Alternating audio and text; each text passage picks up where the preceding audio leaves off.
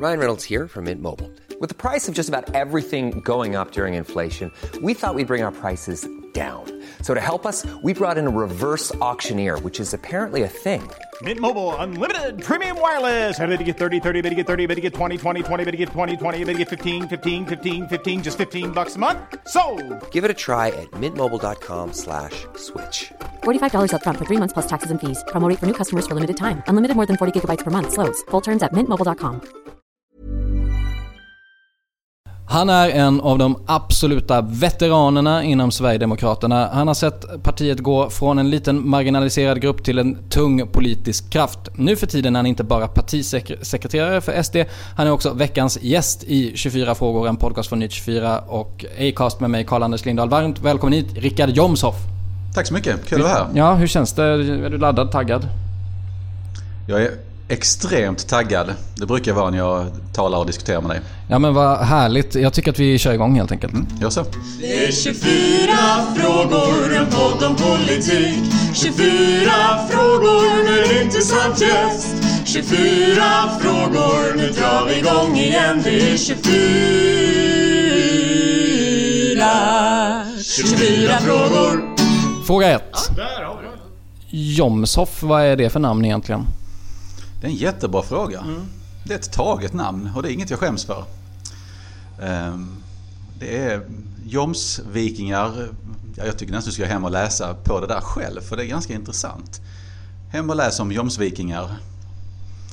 Så, så kan man hitta en ganska intressant... Jag har alltid varit... Jag är i grund och botten lärare. Jag är historie och geografilärare. Det är mina två huvudämnen. Och eh, hade under en lång tid, av, framförallt när jag var yngre, var väldigt intresserad både av svensk stormaktstid och, eh, och även vikingatid och eh, tiden innan vikingatiden. Men det där med Jomsvikingar var något jag stötte på och tyckte det var, ett, var, var en, en intressant, ska man säga, ja, det, det rör ju, berör ju inte bara svensk historia men Jomsvikingarna var en intressant samling individer.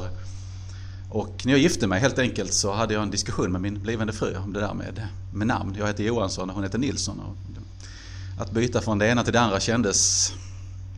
Jag vet inte. Hon kände väl själv att, att byta från ett sådant till ett annat, det känns lite meningslöst. Så att vi hade en lång diskussion om det här. Vi diskuterade all, allt gamla släktnamn. Jag har ju släktingar från Finland och Tyskland, framförallt Finland och vi pratar om gamla finska namn. Och, men vi landade i att vi gör någonting eget helt enkelt. Alla namn är ju från början mer eller mindre tagna så att vi tyckte att vi skapar en ny dynasti. Sen, sen, om det blir något av det, det återstår ju att se men vi, vi gör vad vi kan. Ja, då får hem och läsa på lite då helt enkelt. Ja men Jomsvikingarna är, det är intressant. Ja, ja. Fråga två. Var växte du upp någonstans? Skåne brukar jag säga. Säger du det? Ja, jag säger det. Eh, Helsingborgstrakten Ja. eh, och eh, Glumslöv. Mm. Men ja, jag skulle ändå vilja säga primärt Helsingborg. Glumslöv tillhör ju Landskrona men det är väl ändå Helsingborg som alltid har varit min hemstad. Du känner dig som helsingborgare i grund och botten? Ja, jag lever i exil i Karlskrona nu Aha. sen 16 år tillbaka men eh, lite skämtsamt.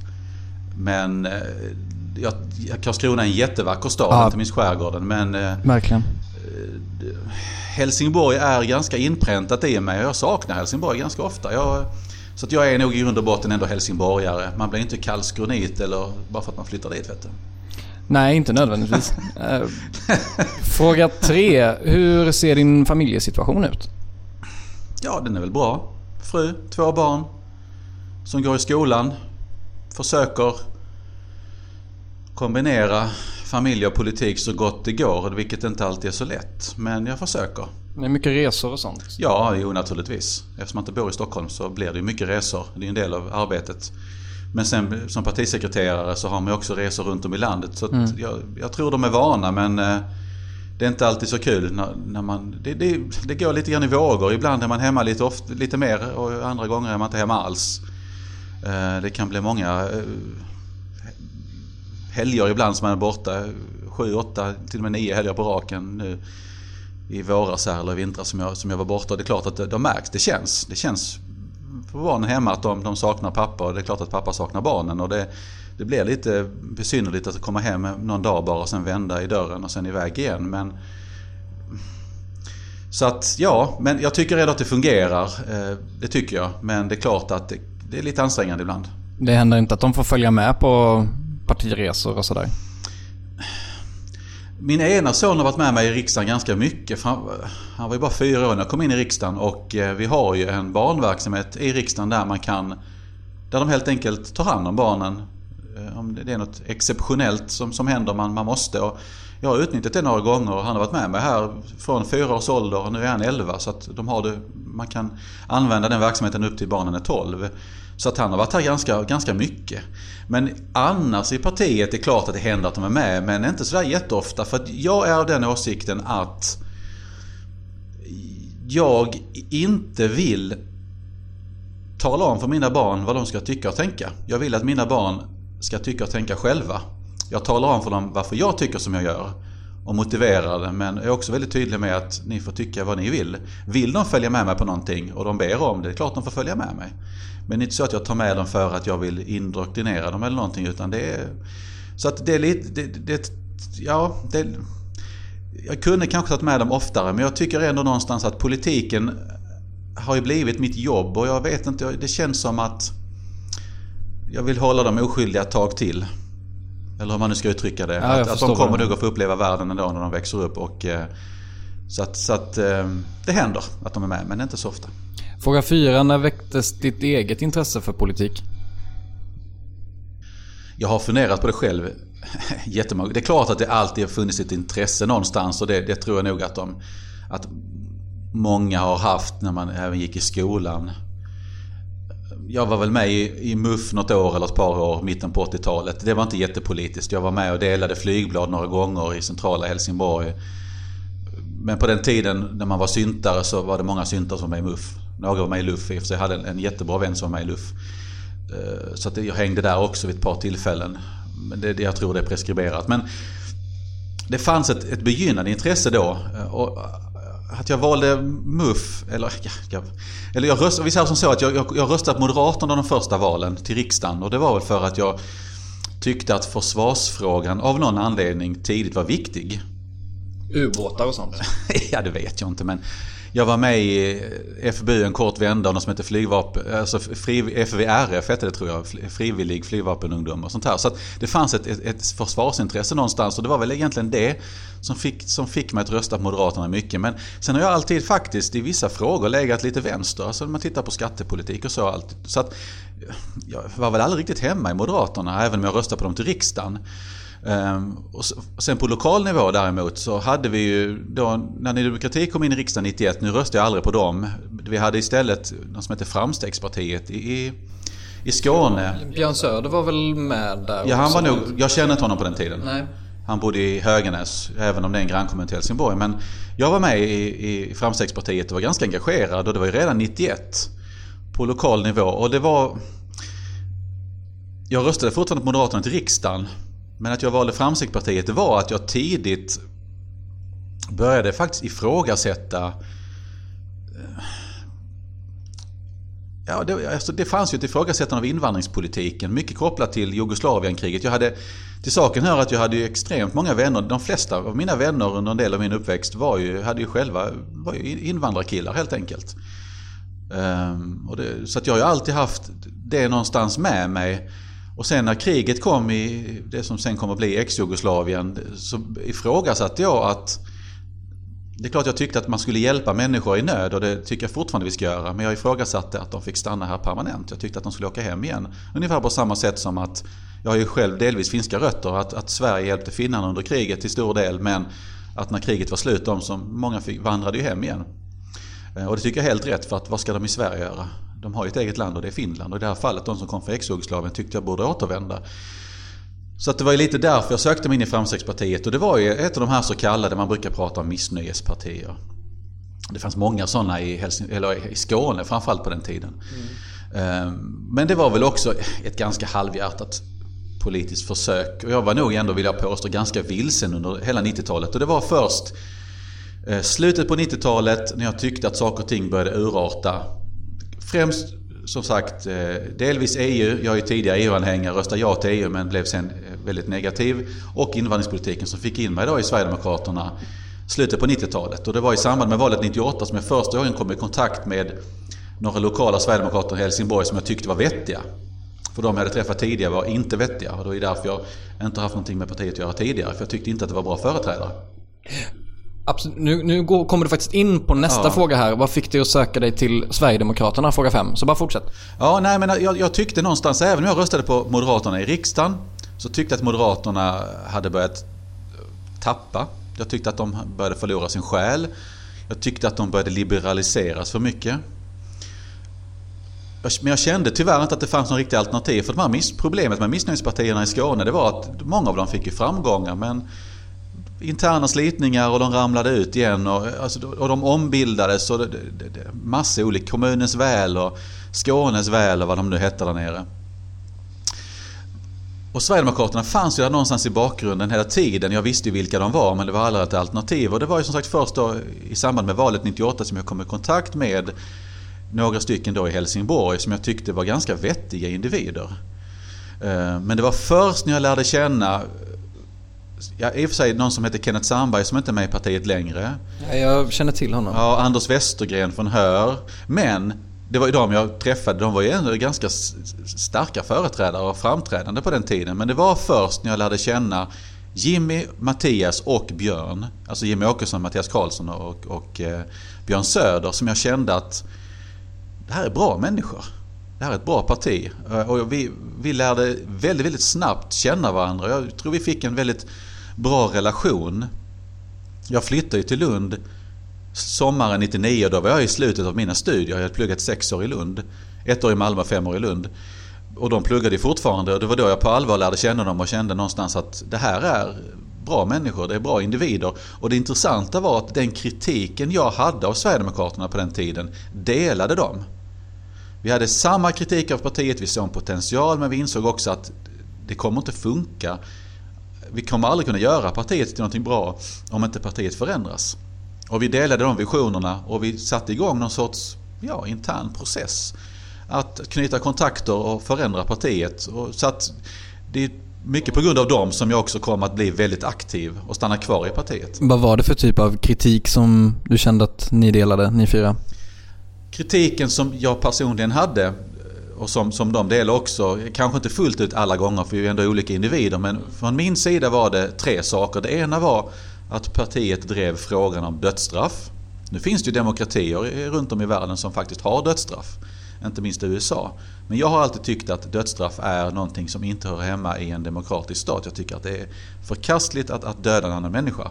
Var det inte så att när eh, Jimmy Åkesson var SDU-ordförande att det, SDU faktiskt drev på just frågan om My, dödsstraff? mycket möjligt, det är innan min tid. Men det var en fråga som berörde mig starkt att det skulle bort. Och jag vet när jag kom in att, att de andra...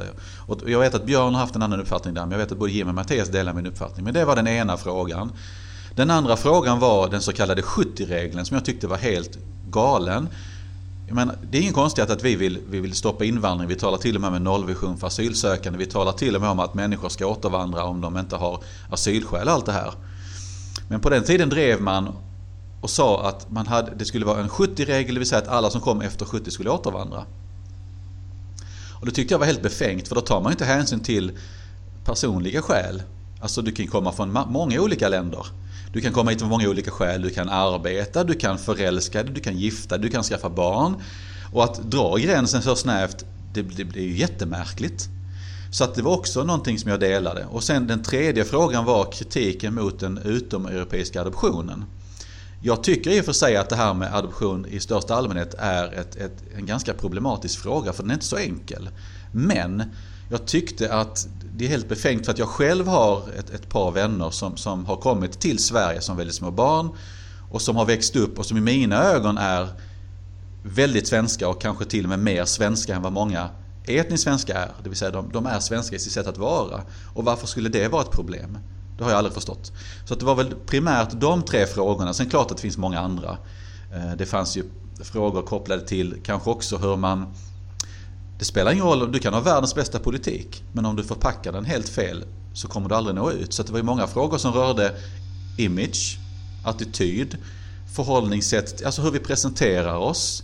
Vilka kanaler vi, vi, ska använda när vi ska försöka nå ut. Så det, det var en ganska omfattande kritik av egentligen hela partiapparaten. Men det fanns ändå någonting där att bygga på. Så att det är svårt här nu att komma ihåg allt vi kritiserar men det var ganska mycket alltså. Eh, Eh, vi ska återkomma lite till det sen också. Men vi tar fråga 6. Eh, hur ser en... Eh, ungefär hur ser en arbetsdag ut för din del? Det beror helt och hållet på. Mm. Det beror på om jag är i riksdagen eller hemma. Det, det, är jag i riksdagen så är det väldigt många möten. Det är alldeles för många möten.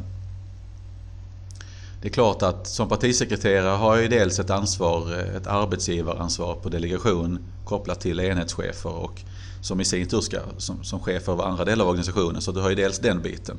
Sen har man ju där jag sitter i VU partistyrelsen och då har du andra saker du ska styra där naturligtvis. Så att, och sen har du det rena riksdagsarbetet, till, inte minst till exempel att man, när, vi, när vi arbetar med budgeten. Och, så att det finns ju så otroligt många saker som kräver möten så att det är väldigt mycket möten.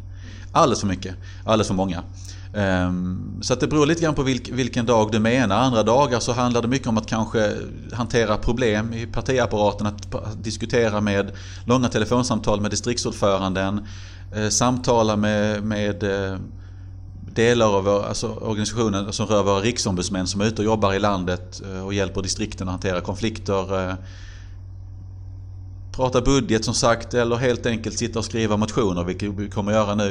Det är en ny motionsperiod. Och mm. Vilka motioner man ska lägga igen, om det finns några nya man ska lägga. Och, så, att, så att det beror lite grann på var också vi befinner oss. Eh, om det är på hösten eller våren. Eller, så att det, det är väldigt olika. Men eh, det är väldigt mycket som ska göras och man försöker kombinera det. Men ja, det går i vågor det där. Fråga sju. Skulle du säga att du är en ordningsam person? Lite pedant?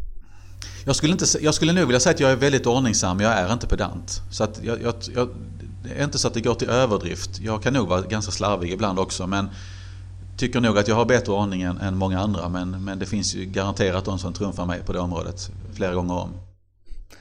Fråga 8. Vilken är den absolut vanligaste kritiken du får från dina arbetskamrater?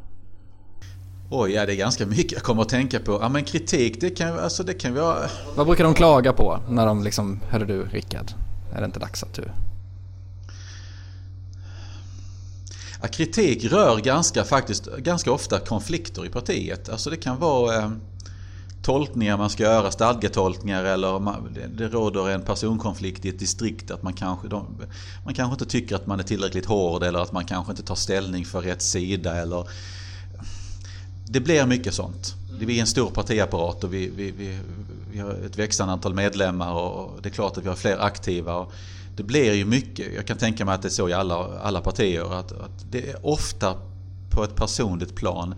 Det är klart att jag ibland får kritik men det kan, det kan ju vara, som sagt, att man kanske inte, ja man lite Ja, men jag, jag kan tänka okej, okay, ta ställning på fel sida, för, för fel sida i en konflikt eller att, att man kanske inte går fram tillräckligt hårt eller att man kanske ibland till och med går fram för hårt. Så att det där är ju en balansgång naturligtvis. Mm. Är, det, är, det, är det lätt eller, eller svårt för dig att inte vifta bort kanske men att säga okej okay, jag hör dig men jag kommer fortfarande göra som jag har tänkt från början? Jag tycker kritik är bra. Om kritiken är saklig och framförs till mig. Om det är personlig kritik så uppskattar jag att man framför det till mig personligen. Jag, jag tar inte anstöt för att någon säger att jag har gjort någonting dåligt. Mm. Tvärtom. Kan man motivera ett, ett, varför man säger så och jag, så tycker jag att det är bra och då, då försöker jag i så fall ändra på någonting. Så jag tillhör de som tycker att det är bra. Hellre det än att man går bakom ryggen och eh, framför det till någon annan. Eller, eller, ja. Människor är väldigt bra på att prata skit om andra människor. Så, mm. så är det överallt där det finns människor i grupp. Mm. Är de fler än två så, så, så tyvärr, det är en ja. mänsklig egenskap. Så att eh, rak kritik uppskattar jag. Eh, för att det är först då man kan göra saker och ting bättre. Fråga 9.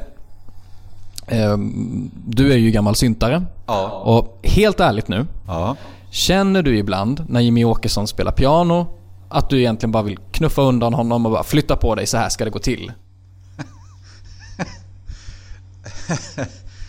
um, ja, nej. Ja, det är inte ofta jag känner att jag vill knuffa på Jimmy. Eh, däremot så kanske man kan ha en uppfattning om musikvalet ibland. Jimmy har faktiskt ganska bra musiksmak. Han lyssnar en del på synt också. Um, jag lyssnar inte bara på synt. Det där har blivit, det är lite grann av ett skämt. För att det där med att vara synt, nu är jag inne på ett sidospår, men det där med att vara synta, det var, det, det var man på 80-talet när man växte upp. Och sen så släppte man det. Men nu, Fast du var ju också med i ett band. Jo, eller hur? jo, och- Elegant Machine. Ja, det är sant. Vi släppte ganska många skivor primärt under 90-talet. Så att jo, på det sättet så var man ju kvar i syntsvängen. Ja. Men man var ju inte syntare på det sättet på 80-talet när man såg ut på ett visst sätt, klädde sig på ett visst sätt. Man, det var ju vissa kläder som identifierade musikstilen såklart. Att man lyssnade bara på synt. Nu på senare dag har det blivit att man återknyter. För man börjar bli, jag märker det när jag blir äldre. Jag vet inte, nu är inte du lika gammal som jag. Men Nej, jag, jag upplever att man kan vara lite nostalgisk. Inte bara politiskt att man kanske tittar tillbaks till, vad vet jag, 50-60-talet eller någonting. Man kan, kan skoja om det också. Men man är nostalgisk även musikaliskt. Man, man, musik kopplas ju till minnen. Så att jag har börjat samla på gammal syntvinyl igen, även om jag lyssnar på mycket annan musik idag. Så att det ibland jag, jag kan ha uppfattning, jag kan ha åsikter om den, den musik som partiet ibland väljer. Jag försöker jobba i kulisserna. Ja, okej. Vi är ett gäng syntare i partiet nu. Aha, okej. Eh, som försöker inifrån Nu får du inte berätta för någon annan. Du, du, du, nej, absolut inte. Det här blir vår hemlis. Det spelas inte in eller så. Nej, precis. Vi, vi försöker bakvägen här nu förändra partiets musikaliska inriktning. Oj. Ja, det, det är för mycket hårdrock i partiet så vi försöker nu bakvägen knuffa ut den sortens musik i partiet och elektrifiera Sverigedemokraterna. Hur går det då? I, viss, I vissa avseenden går det ganska bra. Jag lyckades kuppa igenom så att jag fick vara lite discjockey i Almedalen. Ja. Och lyckades faktiskt spela en del musik. Och vissa tyckte det var jättebra och andra tyckte det var extremt dåligt. Ja, men det kanske är en lång process. ja, det är en mycket man... lång process. Och man inser också att det är en generationsfråga. En fråga med kanske lite både allvar och lite skämtsamt. Om, om, om, om eh, du skulle lyckas med det här Ja. Och få in den här ganska känslomässiga syntmusiken, kanske lite The Smiths och sånt också. Ja, nu är inte det Eh, synt men det är Smiths Nej jag vet, jag vet, ja. jag vet. Men, men jag råkade se någon gång att du, du hade en The Smiths-bild Ja, på Facebook. Smiths. Ja, jag Morrison. älskar också Ja. The Smiths väldigt mycket. Men, tror du att det skulle kunna förändra stämningen i partiet? Att det liksom blir... Att det blir något annat? Ja, det återstår att se. Har du tänkt igenom det här? Nej, jag, nu när du lyfter det så, så har jag kanske inte riktigt gjort det.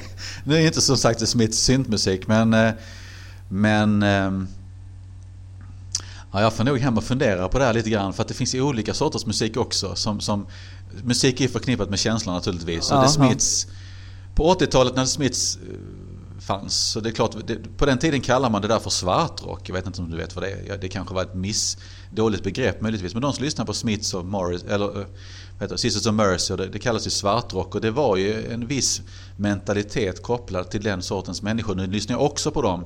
Mm. Så att jag förstår nog vad du menar, att man ska nog tänka sig för vilken musik man introducerar i partiet. Det kanske blir lite deppiga efterfester. Ja, risken är ju såklart att kampandan och kampglöden försvinner. Att man snarare blir lite introvert och för filosofisk. Ja, jag, ska, jag hör vad du säger, jag ska hem och fundera på det här om det är så genomtänkt. Nej, det kan bli väldigt spännande i alla fall. Eh, fråga 10. Eh, du var inne lite på det innan, men du har ju varit med i SD väldigt länge tillsammans med Mattias Karlsson, Jimmy Åkesson och Björn Söder. Eh, ni har ju kallats de Fyras gäng och, och sådär.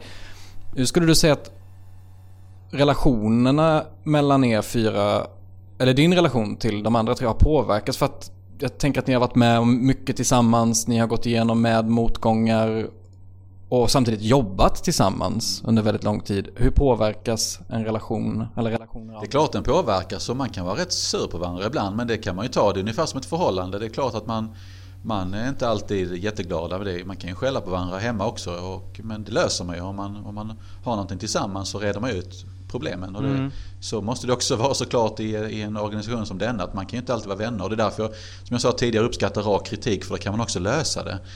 Alltså, I det stora hela så tycker jag inte att jag, min, min personliga relation till de andra har förändrats nämnvärt. Förutom på ett plan. Och det är ju det här att partiet var ju länge ett, det var ju en hobby. Alltså det var ju någonting man, det är klart jag brinner för det lika mycket idag som då. Men nu är det ett jobb på ett annat sätt. Man försörjer sig på politiken. Eh, även om det inte är ett vanligt 9-5 jobb så är det fortfarande så att det är ett jobb. Och när man då kommer hem så känner man ibland att man vill göra någonting helt, helt annat. Man umgås med helt andra människor och pratar om helt andra saker. Ehm, och det innebär att man kanske inte umgås privat på det sättet som man gjorde förr. Jag tror nog att alla känner exakt samma sak. Att man det blir så intensivt.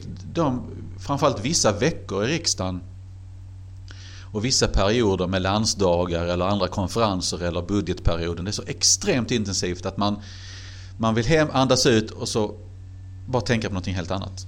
Så det, det, har ju förändrats och då förändras också relationen. Den blir ju mer professionell. En, en, en, det är klart att det också finns en vänskap i, i grund och botten. Även om den ibland kan prövas ganska hårt. Så vill jag nog påstå att från min sida finns vänskapen kvar till alla de tre individerna. Alltså alla, både Mattias, Jimmy och Björn.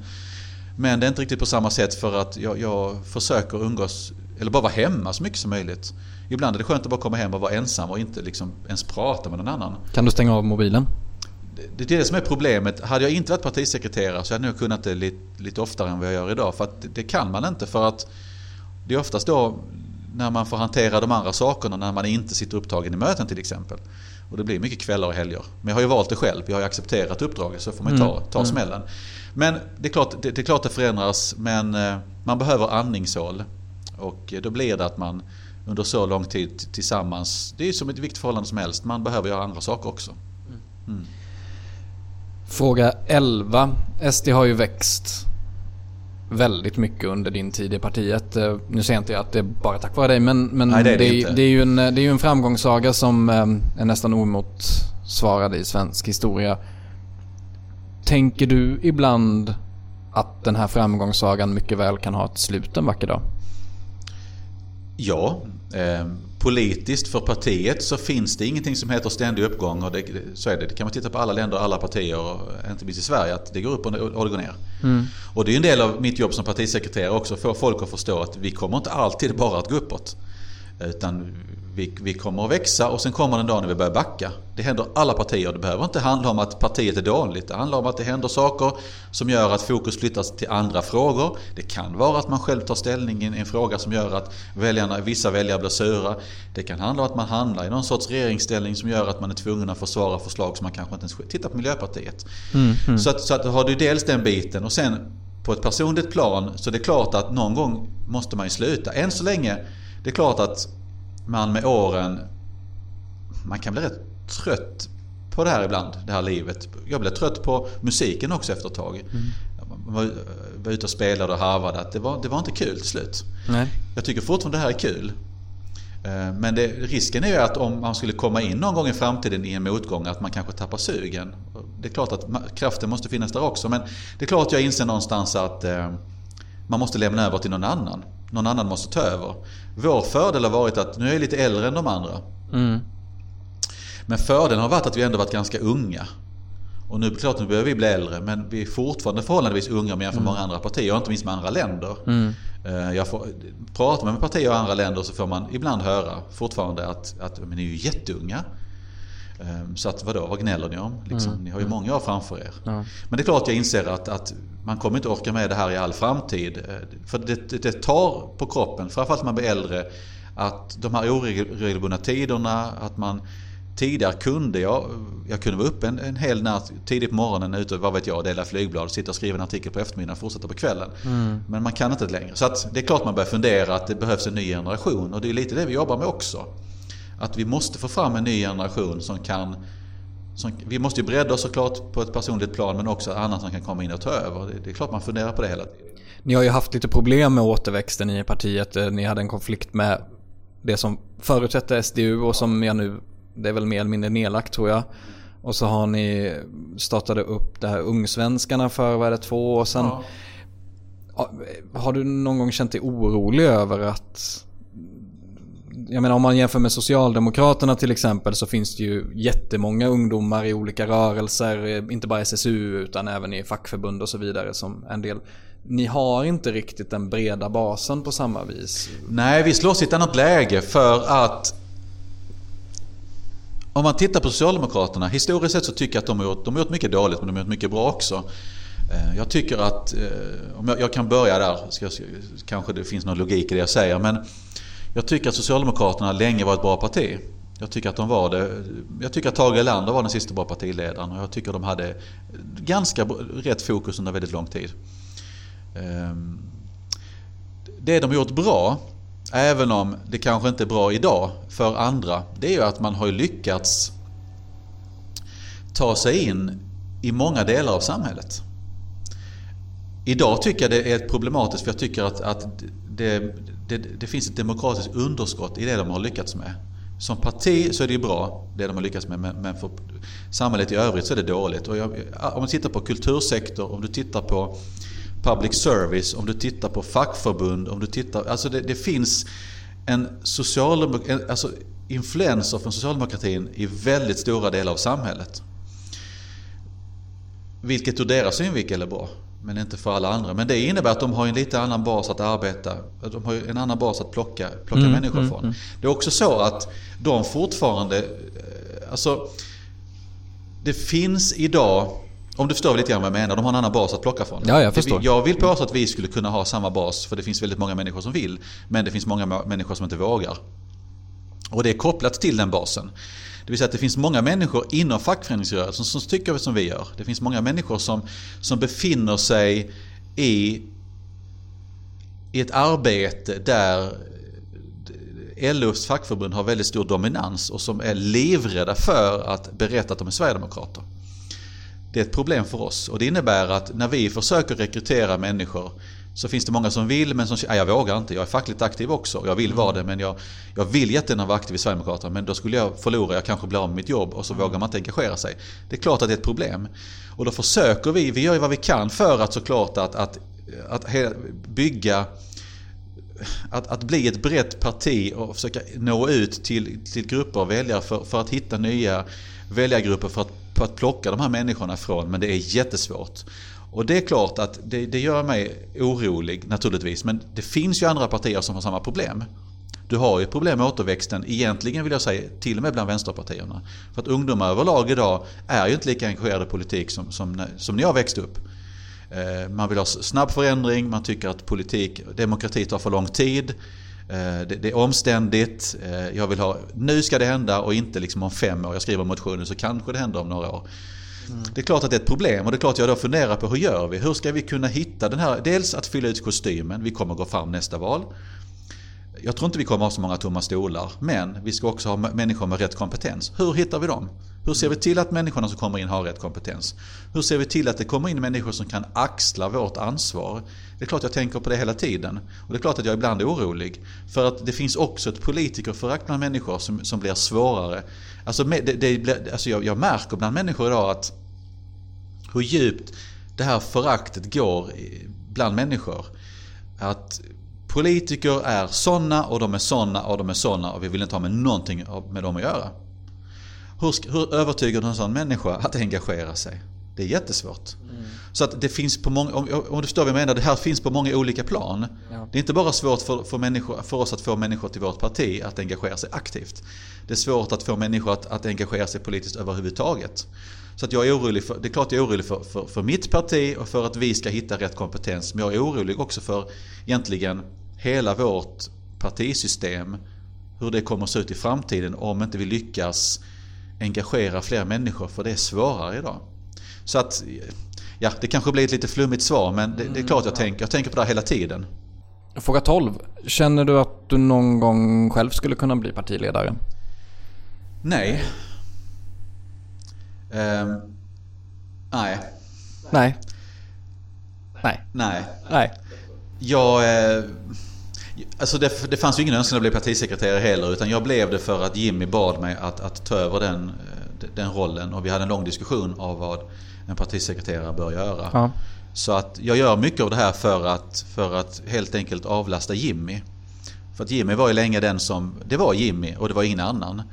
Vi hade ju länge, vi diskuterade här och framförallt i samband med hans sjukskrivning att eh, vi måste försöka få fler Sverigedemokrater att ta för sig. Att vi blir fler som får chansen att nå ut i media så att inte allt hamnar på Jimmy. Mm. Och en del av mitt partisekreterarskap var just det här. Att försöka bredda den här basen av individer. Så att, eh, nej, nej.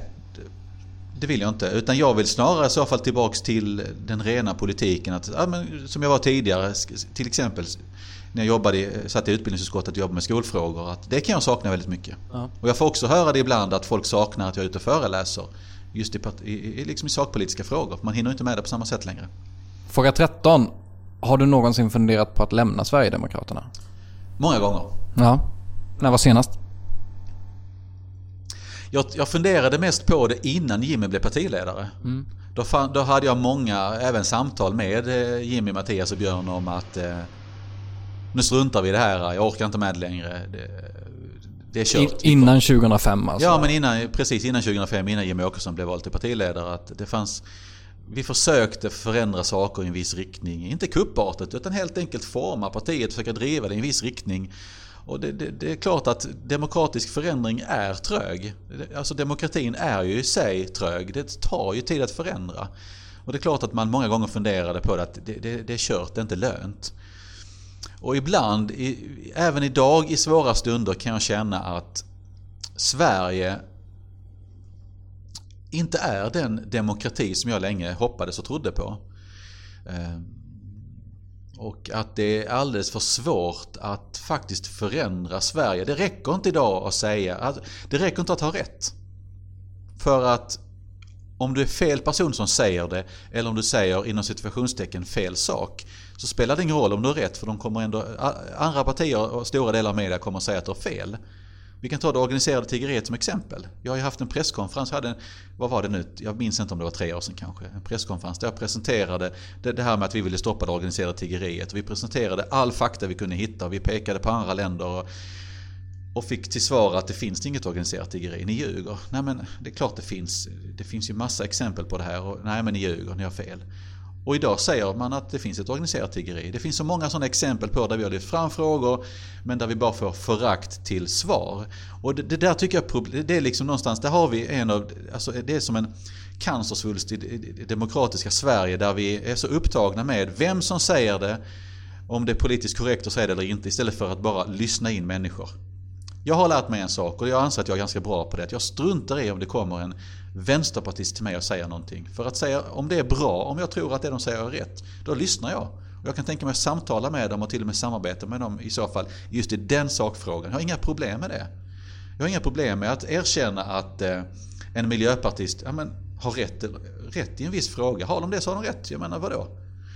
Och det, det tycker jag är ett problem för att det, det innebär att, att så länge Sverige är på det sättet så kommer inte vi kunna förändra Sverige i grunden. Och det handlar inte bara om på det sättet som jag vill utan att förändra över, överlag de problem som finns. För att man är så noga med att hela tiden känna av, är det, är det korrekt att säga det här? Vad händer om jag gör det?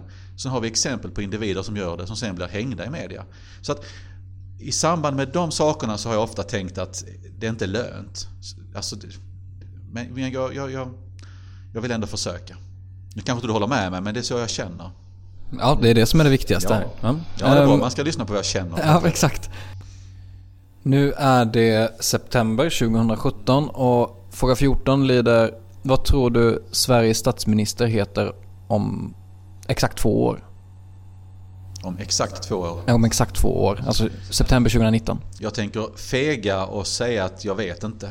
Nej men. Nej men exakt, okej då.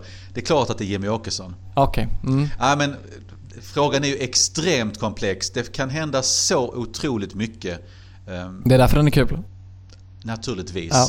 För att det, problemet här handlar inte bara om vem som, vilka, vem som kommer bli störst i valet, vilken sida som kommer få flest röster. Det handlar om också om man vågar ingå i en viss koalition eller inte. Och det är också något som är problemet med svensk, politik. Jag menar att Danmark, Norge och Finland har man överlag en lite annan syn på det här. Man är inte lika... Om jag ska, hur ska jag uttrycka det här? Skitnödig. Mm. Alltså, om du förstår vad jag menar. Att man, man, man bara gör det. Finland har en lång tradition till exempel av samlingsregeringar. Och Sannfinländarna, lite grann av vårt systerparti eller hur man nu ska kalla det. Vi inte, tycker inte samma sak i alla frågor men det är inga konstigheter att de sitter i regering till exempel. Nu har de ju lite det har splittrats och så här va. Men det, det var inga problem. Eller att Dansk Folkeparti i Danmark var ett stödparti åt regeringen. Eller, eller att Framskrittspartiet, nu är de lite annorlunda för att de skiljer sig till viss del. Men att de fick ingå i en regeringskoalition. Jag menar, man har en annan syn på det, vill jag påstå, än vad vi har i Sverige. Där vi hela tiden vi är så ängsliga, känslomässiga. Vi, vi, vi är rädda för om vi gör det här, vad, vad kommer de att säga? Vad, vad skriver media då? Det är bättre att agera. Vi gör det vi tror på och sen får vi se vad som händer. Eh, jag tycker det är ett problem med svensk politik. Det gör att det blir väldigt svårt att säga och det kan ju säkert du hålla med om. vem vet hur det ser ut efter nästa val? Men det är klart jag vill att det är Jimmy Åkesson. Vi fegar inte, det är klart vi ska sitta i regering. Uh, fråga 15. Vad är det absolut svåraste med ditt jobb idag? Jag skulle kunna svara mycket på det, men en sak som jag tycker är svårt det är att å ena sidan då vara en partisekreterare som har en, en full delegation i vissa frågor. Till exempel att jag är chef över vissa individer och då ska man vara 100% sakligt korrekt, följa lagstiftningen som jag måste göra som chef för att det här gäller. Samtidigt som man är, det är inget företag utan det är ett parti och det innebär att då ska man också ta, ta, ta ställning till, till människors känslor, människors ambitioner att ta sig fram i en partiorganisation. Och det är extremt svårt att kombinera det här. Dels den professionella biten och den här känslomässiga biten eller det här att man har, har andra mål än att bara vara en duktig tjänsteman. För det kan ju finnas att man också vill bli, vad vet jag, riksdagspolitiker. Och det är klart att det, det, det, de där, det kan ju vara två saker, att det faktiskt krockar ibland. Och att då som partisekreterare försöker kombinera det här och försöka få folk att förstå att jag är objektiv nu. Jag tänker inte ta ställning i den här konflikten utan våra stadgar säger det här och det får ni acceptera. Jag tänker inte ta ställning för någon om det är till exempel en konflikt mellan två sidor. Att alla förstår inte att man försöker vara professionell objektiv utan de vill att man ska ta ställning för just den sidan om det är en konflikt. Så att det, det, är liksom balansen mellan det professionella, det här väldigt formella och det här känslomässiga och ambitionsmässiga som människor har. Det kan vara väldigt svårt att kombinera. Fråga 16. Om du skulle få säga en sak som är typiskt svenskt, vad skulle du säga då? Det finns väldigt mycket. Men om man är iväg och reser väldigt mycket, jag har ändå varit och rest ganska mycket i världen, både som musiker och även då som riksdagspolitiker har man ändå fått chansen att resa runt i ett antal länder. Då är man i andra länder och då upplever man att, och inser man faktiskt att, att det faktiskt finns andra kulturer om man inte visste det innan. Det finns ju de som kritiserar oss som säger att det inte finns något svenskt. Det är bara att åka till ett annat land så inser man ju snabbt att det faktiskt finns en svensk kultur. Och det finns ju en japansk kultur också. Det är inte alltid så lätt att definiera en japansk kultur även om det, man, det, åker man dit så känner man att det är något annat än att vara i Sverige. Det är klart det Det finns mycket som skiljer sig. Ehm, men ett exempel som jag brukar ta upp. Eh, det finns, när jag var i Japan, ett land som jag för övrigt tycker väldigt mycket om. Det finns mycket konstigt i Japan men jag uppskattar japaner och japansk kultur. Det är att jag kan ibland känna igen mig i Japan på ett sätt som jag kanske inte känner igen mig när jag är i USA eller Mexiko. Också två länder som är ganska trevliga på sitt sätt om man känner rätt människor och får uppleva rätt saker. Men till exempel att vi är fortfarande ganska ordningsamma i Sverige. Det tycker jag är ganska typiskt svenskt. Vi är ganska bra på att inte skita ner. Vi är ganska bra på att vara ändå förhållandevis ödmjuka. Vi har en förhållandevis eh, liten korruption i landet. Eh, man kan lita oftast på en svensk Överlag såklart. Det är klart mm. att vi mm. kan ljuga också. Mm. Men ett handslag kan ändå oftast, man vet oftast vad det innebär. Och säger man att man, man ska träffas klockan 10 då är vi ändå ganska punktliga. Alltså den saken, så är det också i Japan. Till stor del. Det finns, man känner igen, jag, jag var i Japan första gången så bara wow. Det fin, alltså jag kände mig hemma med vissa japaner som det samtidigt finns andra saker som är så extremt annorlunda. Så att, att, att åka till andra länder och möta andra människor och kulturer är ett bra sätt att inse, dels se det som är dåligt i Sverige men också det som är bra och som är värt att bevara. Men det är några saker som jag tycker är typiskt svenska som jag tycker att vi ska bevara. Ärligheten, icke-korruptionen, att vi kan, punktlighet, vi kan lita på varandra, renligheten. Det är sånt jag faktiskt uppskattar. Fråga 17. Vilken är den absolut konstigaste frisyren du haft? Det måste, då måste jag tillbaks till jag måste tänka efter. Det skulle kunna vara någonting från syntperioden där man, det fanns frisyrer man hade max en vecka innan man klippte om sig. Jag testade ganska många frisyrer när jag var syntare. Det var vitt och det var svart och det var orange. Kanske när mitt... Minns du Eurythmics? Vet du vilka de är? Ja, jag vet Annie Lennox, en fantastiskt vacker kvinna. Tänk också när du säger minns du. Jag är ju född 1986. Ja, du är, du, jag kunde varit din far. Nästan. Nej men Annie Lennox, ja. framförallt när jag, när jag uppskattar henne så var hon sångare i det här syntbandet Eurythmics. Ja då blev vi mer av ett rockbaserat band sen. Men hon hade en frisyr, hon, var ganska androgyn, väldigt kortsnaggad och så morotsfärgad orange. Alltså orange. Det hade jag ett, ett par veckor kanske. Och det, nej, det var inte snyggt alltså. Nej, det förstår Den färgen passar inte mig. Det är nog det värsta jag haft tror jag. Fråga 18. 2005 blev du lite kändis, åtminstone i södra Sverige, när du fick sparken eh, som lärare från en gymnasieskola i Växjö där du jobbade för att du var sverigedemokrat. Hur ser du tillbaka på den tiden idag? Första gången var faktiskt i Karlskrona. Jag flyttade dit 2001 och fick jobb på en gymnasieskola i Karlskrona. Och det var primärt då som geografilärare jag skulle börja jobba som. Men där jobbade jag bara ett par veckor innan jag fick, fick lämna. Um, den händelsen vill jag nog påstå präglar mig mer. För att Men berätta om det. gå tillbaka till 2001. Det var ju sossarna i Karlskrona som drev det här. Att man inte kunde vara eh, sverigedemokrat och lärare. Trots att det, var ingen som kritiserade mig för mitt lärarskap. Utan det var för att jag då hade fel partibok. Och det är någonting som berörde mig djupt. För att om jag ska vara riktigt ärlig. 2001 så, så satt jag i partistyrelsen. Jag var ganska involverad i Sverigedemokraterna redan då. Men jag befann mig fortfarande i en situation där jag var lite tveksam om på vilket sätt jag skulle, hur mycket jag skulle engagera mig i partiet. Jag ville engagera mig men jag hade kanske inte riktigt bestämt hur mycket. För att det fanns fortfarande ett motstånd bland vissa vänner och kanske till och med hemma. Ehm, att, att Sverigedemokraterna, är du verkligen säker på det här? Och jag måste erkänna att jag, jag vacklade faktiskt ganska mycket den tiden. När jag blev av med mitt jobb då, det var primärt i Karlskrona. Efter den händelsen så, så sa jag till mig själv att det här är ta mig fan vidrigt deras sätt att behandla mig. Och grejen var att jag gick till mitt fackförbund, jag var med i Lärarnas riksförbund och alltid beundrat fackföreningsrörelsen på många sätt och vis. Tycker facken är viktiga, dock inte LO-facken. Jag, tycker de är, alltså jag, jag gillar inte den kopplingen till, parti, att, till ett parti. Jag tycker man ska ha fackförbund men de ska vara inte bundna till politiska partier. Men jag, blev, jag tyckte inte jag fick den uppbackning jag skulle ha av mitt fackförbund då, LRF. Eller Lärarnas riksförbund, förlåt. Mm, inte LRF. Inte LRF, ber om ursäkt. Eh, det är ganska normal, borde vara den förkortningen egentligen. Men det är, det är en annan grej, den kan vi ska diskutera. Mm, mm. Men jag kände då att, att okej, okay, men kan jag inte få vara lärare då, då, då, är det nog politiken som gäller. Så att den händelsen var nog den som till 100% kickade in mig på, i, alltså, in på politikens planhalva och där jag bestämde mig, okej okay, nu satsar jag på detta till 100% för det var inte så innan. Nästan lite ironiskt när man ser tillbaka på det. Kanske, mm. men det var det som Mest för att också jag ska banna mig visa dem. Mm.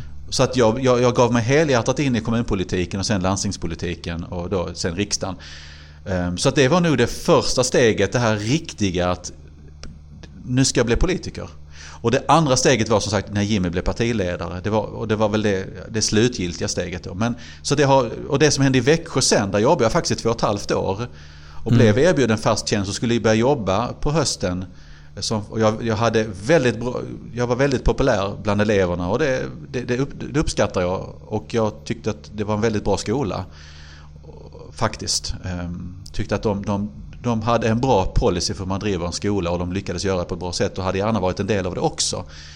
Ehm, och det är klart att, att det, det tog ganska hårt eftersom att där hade jag ändå varit så pass länge och lärt känna elever och, och kollegor det tog man nog lite hårdare ändå än, än det som hände i Karlskrona för att det kändes mer personligt.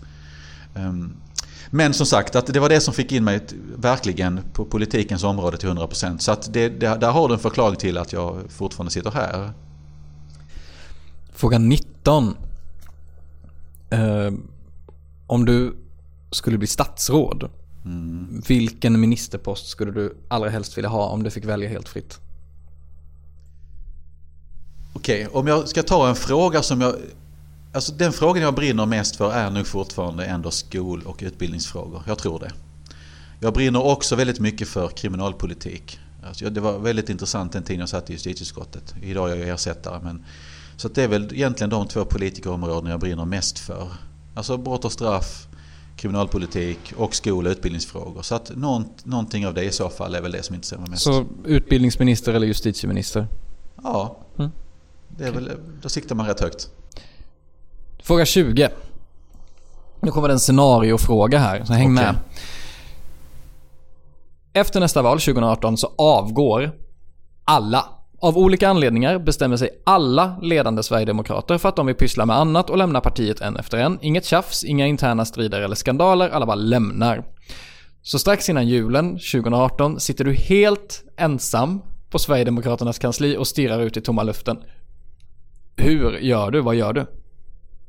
Wow. Mm -hmm. Då vill man inte vara partisekreterare. Nej, det vill man inte vara. Då, då sticker du också eller? Nej, jag har nog svårt att tänka mig att det ska nog mycket till för att jag ska sticka på det sättet. Jag hade nog gjort vad jag hade kunnat för att samla det som fanns kvar och försöka ja, samla. Det det är klart det finns kompetens i partiet. Vi har bred kompetens idag.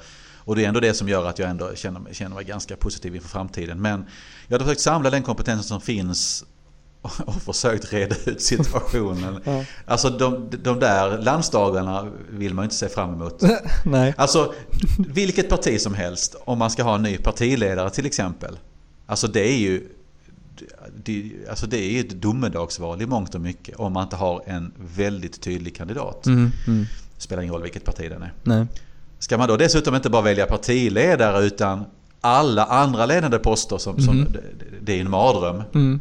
Jag tror jag hade försökt att reda ut det för att av den enkla anledningen att, att skulle jag bara sticka då hade jag, då hade jag ändå suttit man blir äldre och äldre och har suttit och tänkt allvarligt talat. Jag har alltså ägnat 20 år av mitt liv åt någonting som blev en total pannkaka.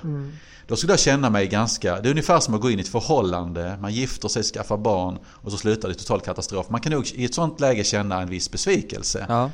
Jag skulle, så att jag skulle inte vilja känna den besvikelsen. Jag hade nog försökt att lappa ihop det, ungefär som att lappa ihop ett förhållande och hoppas att man lyckas. Vilken mardröm. Ja. Får hoppas att du inte drömmer om det här nu. Om det Nej, jag ska inte drömma om det. Fråga 21. Om du hade fått träffa ditt 18-åriga jag och ge ett gott råd, vad skulle det vara då? Oj. Ehm. när jag var 18 år så var jag, jag tror ändå att jag var ganska, jag, jag är faktiskt ganska liberal. Det beror på vad man är med. Alltså, liberalism kan vara så mycket. Jag är väldigt liberal i många frågor än idag. Jag är kritisk till kanske dagens liberaler väldigt mycket men inte till den klassiska liberalismen. När jag var 18 så var jag väldigt liberal, inte bara om man ser till den klassiska liberalismen utan ganska liberal rent allmänt. Jag, jag, jag hade inte börjat förändras då. Jag hade nog försökt att läxa upp Rickard och sagt att var inte så jäkla naiv. Jag skulle nog också försöka tala om för den Rickard att på den tiden så var världen svart och vit. Inte bara musikaliskt utan var man, tyckte man inte som jag så, så, hade man bara fel. Och det spelar ingen roll om jag egentligen hade fel utan jag hade ändå rätt. Och ett bra exempel på det är när vi sen, då, nu var, då var jag inte 18 när man röstade till EU 94 men jag röstade ja. Jag var en hundraprocentig övertygad EU-anhängare. Jag idiotförklarade hela min bekantskapskrets, inklusive den kvinnan som sen blev min fru. Och det har jag fått äta upp många gånger. Så, att jag faktiskt betedde mig som jag gjorde. Jag hade kanske talat om för Rickard när han är 18 att slappna av lite. Du behöver inte gå på människor bara för att de tycker annat i en viss fråga. Nej. Och rösta nej. Det är kanske det rådet jag hade gett. Fråga 22. Då är det, eh, ska jag bara hämta en liten, liten rekvisit. Intressant. Ja.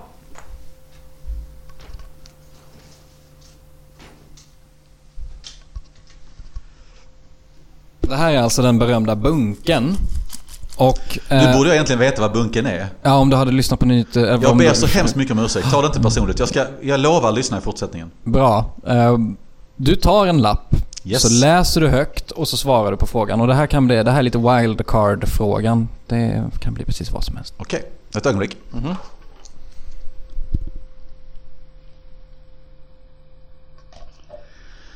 Vem är din politikbästis?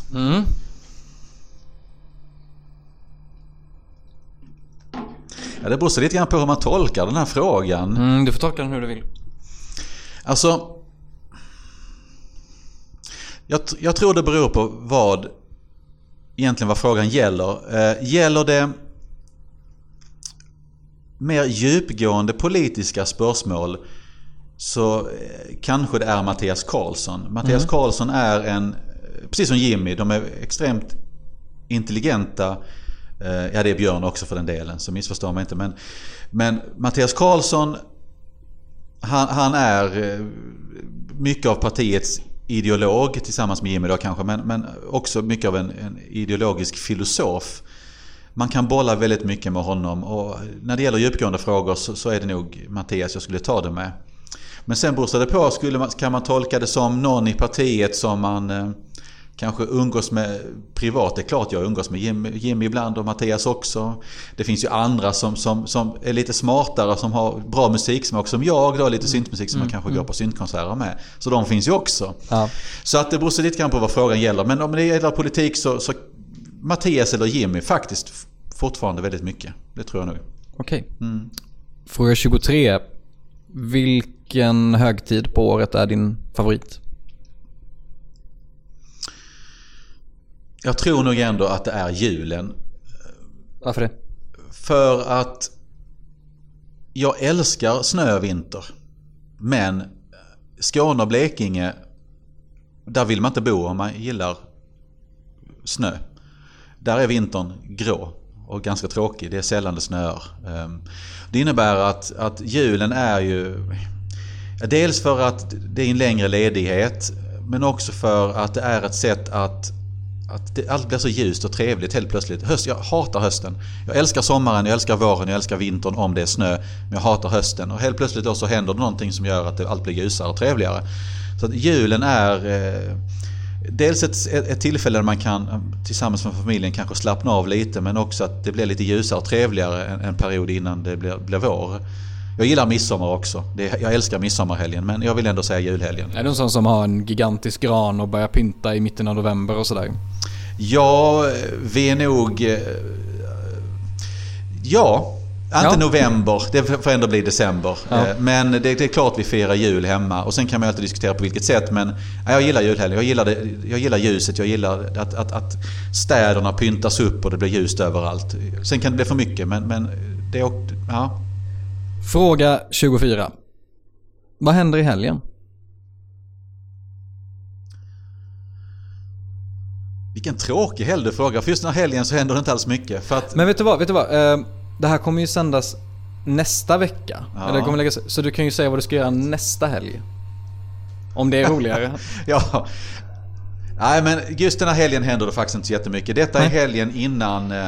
Eller, eller kanske gör ändå. Detta är helgen innan riksdagen kickar igång på allvar. Det innebär att jag har ändå en del jag måste göra inför riksdagens öppnande, inför eh, nu när arbetet börjar igen på allvar. Jag ska till exempel eh, med en suck gå igenom stadgarna igen för att jag, jag sitter och leder det här stadgerevisionen där vi ser över stadgarna och ska genomföra vissa, föreslå vissa förändringar. Så att det blir en, en jobbhelg där, där jag ska försöka se till att, att allt blir klart inför nästa vecka när riksdagen öppnar. Du ska sitta och pyssla helt enkelt. Jag jobbpyssla. Men det var faktiskt allting jag hade. Ja. Tack så jättemycket för att du ville vara gäst i 24 frågor. Och Tack själv. Jobba inte, jobba inte ihjäl dig nu Nej, jag uppskattar formatet kan jag säga. Ja, vad trevligt. Ja. Som sagt, bara gå in och lyssna om du vill. Eh, Nej, men jag, jag ska bli en, en bättre lyssnare av, av det här programmet. Jag lovar. Ja, jättebra. Eh, tack också till dig som har lyssnat. Eh, vi eh, hörs nästa vecka. Tills dess så kan vi höras på 24fragor at nyhet24.se. I'm Nick Friedman. I'm Lee Alec Murray. And I'm Leah President, and this is Crunchyroll Presents The Anime Effect.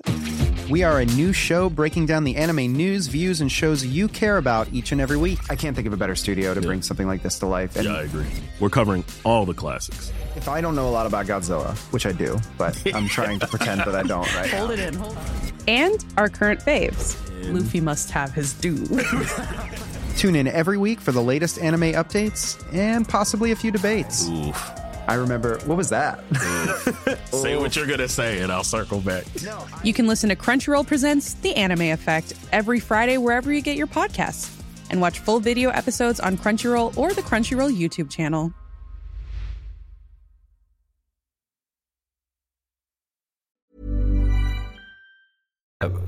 Jag och Rickard Jomshoff säger hej då.